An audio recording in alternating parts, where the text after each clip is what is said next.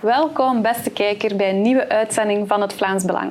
De migratiecrisis aan de Pools-Wit-Russische grens blijft aanslepen. Een delegatie van het Vlaams Belang trok naar Polen en mijn eerste gast vandaag, senator Bob de Brabanderen, was erbij. Dag Bob, welkom. Dag Freya. Ja, zondag vloog jij samen met Ortwin de Poorteren en Dries van Langenhoven naar Polen. Wat was het doel van jullie werkreis? Ja, klopt. Dries Ortwin en ik uh, zijn inderdaad naar uh, Polen getrokken. Ik zelf uh, ben lid, samen trouwens met Tom van Grieken, van onze fractie in de Raad van Europa, genaamd ECDA, European Conservatives and Democratic Alliance.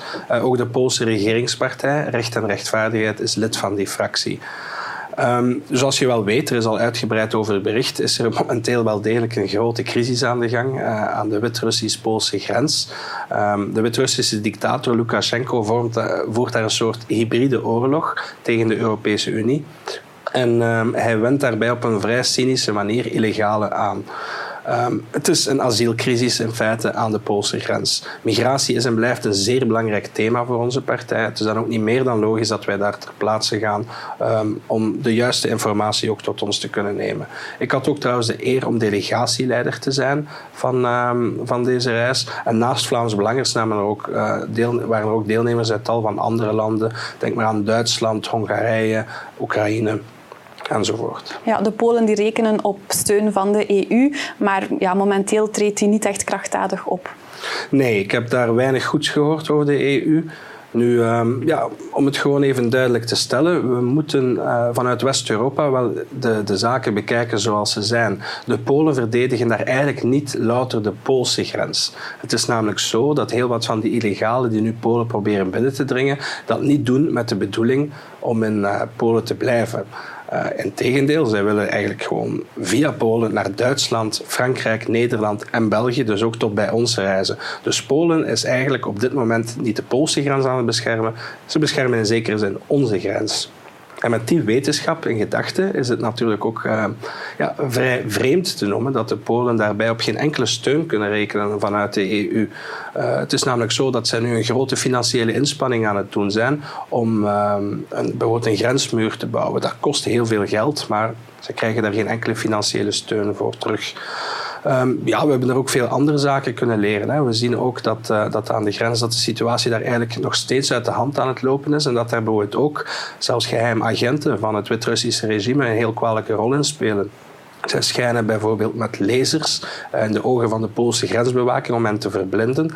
Uh, zij bewapenen uh, illegalen. Zij geven ook materialen aan die illegalen waarmee dat ze de, de grensbewaking die er al is, waarmee dat ze die kunnen vernielen. Daarnaast is ons ook opgevallen dat de Polen ook uh, heel wat te klagen hadden over de rol die bepaalde NGO's spelen. Het is namelijk zo dat redelijk wat van die illegalen, wel zo niet allemaal, komen eigenlijk met het vliegtuig uh, naar Wit-Rusland. ze hebben daarbij, voor ze op het vliegtuig stappen, twee zaken op zak. Dat is aan de ene kant een toeristenvisum voor Wit-Rusland en aan de andere kant het telefoonnummer van een NGO die al in Polen actief is. Dat lijkt mij ook een vrij cynische rol die zij spelen.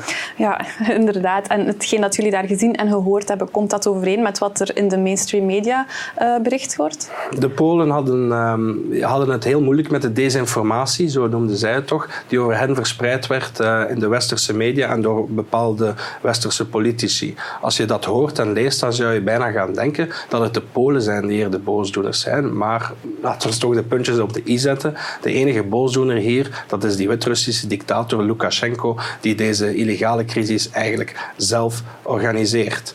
Um, we zien dat ook bij ons trouwens. Uh, politici zoals Sami Medi die roepen heel snel op om, uh, om aan de Polen dat zij gewoon al die illegalen moeten binnenlaten. Nu, ik herhaal, misschien moet Sami Medi zelf maar eens tot daar reizen. Hij zal al snel tot de conclusie komen dat die niet in Polen willen blijven. Die willen naar ons komen. Dus ik wil nog maar eens benadrukken, de Polen beschermen ook onze grenzen. En ik vind dan ook, dat, en het mag wel eens gezegd worden, dat de Polen moeten kunnen rekenen niet alleen op onze materiële en financiële steun, maar zelfs ook op onze morele steun. Oké, okay, dankjewel Bob voor je toelichting. Dat is graag gedaan. En voor de reportage deze week blijven we dichter bij huis, waar het Vlaams Belang het protest tegen nieuwe asielcentra leidt. Wij Vlaams Belang, wij voeren het verzet. Maar het verschil tussen ons en andere partijen is dat wij het verzet niet alleen in de parlementen in Brussel voeren, maar ook op de straat. En dat maakt ons anders dan al die anderen. Wij Vlaams Belangers, wij staan tussen de buurtbewoners. Wij weten wat er leeft. Antwerpen, een stad op nauwelijks 60 kilometer van hier, telt op dit moment 64 moskeeën. Meer dan 27% moslims. De populairste jongensnaam in het bevolkingsregister en ook bij geboortes is Mohammed. Waarom doen we die betoging vandaag hier? Omdat uh, dit de draagkracht van onze gemeente in deze buurt ver te boven gaat. Boom is een, sterk verstedelijkte gemeente. Wij kennen uh, in deze gemeente al heel wat problemen die samenhangen met de die verstedelijking en anderzijds met de reeds zeer grote vervreemding van deze gemeente. En daar nog een keer een asielcentrum van 164 uh, eh, bewoners. Hier planten midden in een wijk, een zeer dichtbevolkte wijk. Een school op 50 meter daar, een school op 50 meter daar en daar een woonzorgcentrum. Dat gaat echt de draagkracht van deze wijk te boven. En daarom, beste mensen, is het onze verdomde plicht om ervoor te zorgen dat dit land van onze voorouders ook het land zal blijven van onze nakomelingen. Dat we de massamigratie een halt toeroepen en onze eigenheid bewaren. Want dit is ons land, het land van de Vlamingen en dat zal het voor altijd blijven. We moeten fundamentele oplossingen voorstellen en dat begint dat je niet kunt dweilen zonder dat je de kraan toedraait. We moeten de grenzen sluiten. Niet uit haat voor wat er buiten onze grenzen zit, maar uit liefde voor wie er binnen onze grenzen zit. En zeg het nog één keer samen met mij. Wij zijn het moe. Grenzen toe. Dankjewel. Grenzen toe.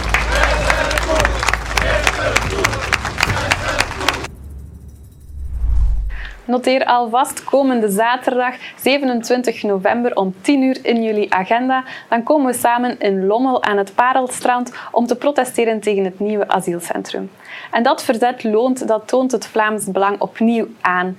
Want deze keer kunnen we goed nieuws melden uit Halle. Ik heb het erover met mijn tweede gast vandaag, Klaas Slootmans. Dag Klaas, welkom. Goedemiddag. Ja, welk goed nieuws kan je melden uit Halle? Wel ja, het is zo dat er vorige week een zeer opmerkelijk arrest kwam van de Raad voor Vergunningsbetwistingen, die een omgevingsvergunning voor de bouw van een zeer grote moskee in Halle, zuiden van uh, Vlaams-Brabant, vernietigde. Dus eerst was er al een groen licht vanwege het Schepencollege van Halle. Vervolgens zijn wij in beroep gegaan.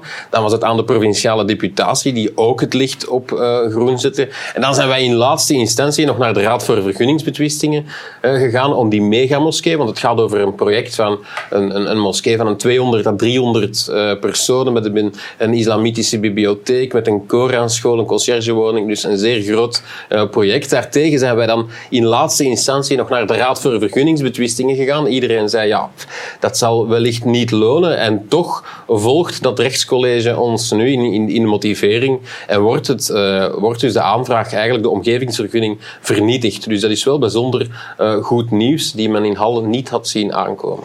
Ja, en in je persbericht uh, daar las ik dat, je, ja, dat er blijkbaar politieke motieven spelen eerder dan, dan juridische. Kan je dat even toelichten? Ja, het was zeer opmerkelijk dat, uh, dat dus de provincie, de provinciale deputatie, zelf een advocatenbureau inzette bij de Raad voor Vergunningsbetwistingen om het dossier te gaan verdedigen en dus alsnog die vergunning uh, te gaan toekennen. Normaal gezien, als jij een aanvraag doet voor een omgevingsvergunning en je wil dat tegen, een beroeps, tegen iemand die een beroep aandient gaan verdedigen, dan ga jij als vergunningsaanvrager de advocaat uh, in dienst stellen. Maar nu was het dus de vergunningsverlenende overheid zelf die met belastingsgeld eigenlijk een advocatenbureau inzet om die vergunning koste wat het kost in te zetten. Dus met andere woorden, de provinciale deputatie van NVA, CDNV en VLD bekostigt een vergunningsaanvraag voor een, een, een moskee uh, met belastingsgeld, wat toch wel bijzonder opmerkelijk is. En ik vind dat wel een pertinente boodschap die de NVA's goed in hun oren mogen knopen. Ja, je bent ook al van in 2016 met dit dossier bezig, met succes. Dus heb jij nog tips voor, voor uh, andere afdelingen of voor burgers die zich uh, willen verzetten? Ja, vooral de boodschap, de cruciale boodschap moet zijn dat verzet loont. Hè. vaak als er zo'n moskee of zo'n vestiging in je buurt komt, dan denken mensen, ja, we, we kunnen daar niet tegen op. maar ja, eendracht maakt in dat uh, geval echt wel uh, macht. En het is, het is belangrijk dat je je dan engageert, dat je je lokale Vlaamse belangenraadsleden of mandatarissen aanspreekt en dat wij samen eventueel een juridische procedure in het getouw zetten. En zoals je kan zien is dat in deze zeer succesvol geweest. Oké, okay, dankjewel voor je komst naar onze studio. Volg gaarne. We zijn aan het einde van deze uitzending gekomen. Graag tot een volgende keer.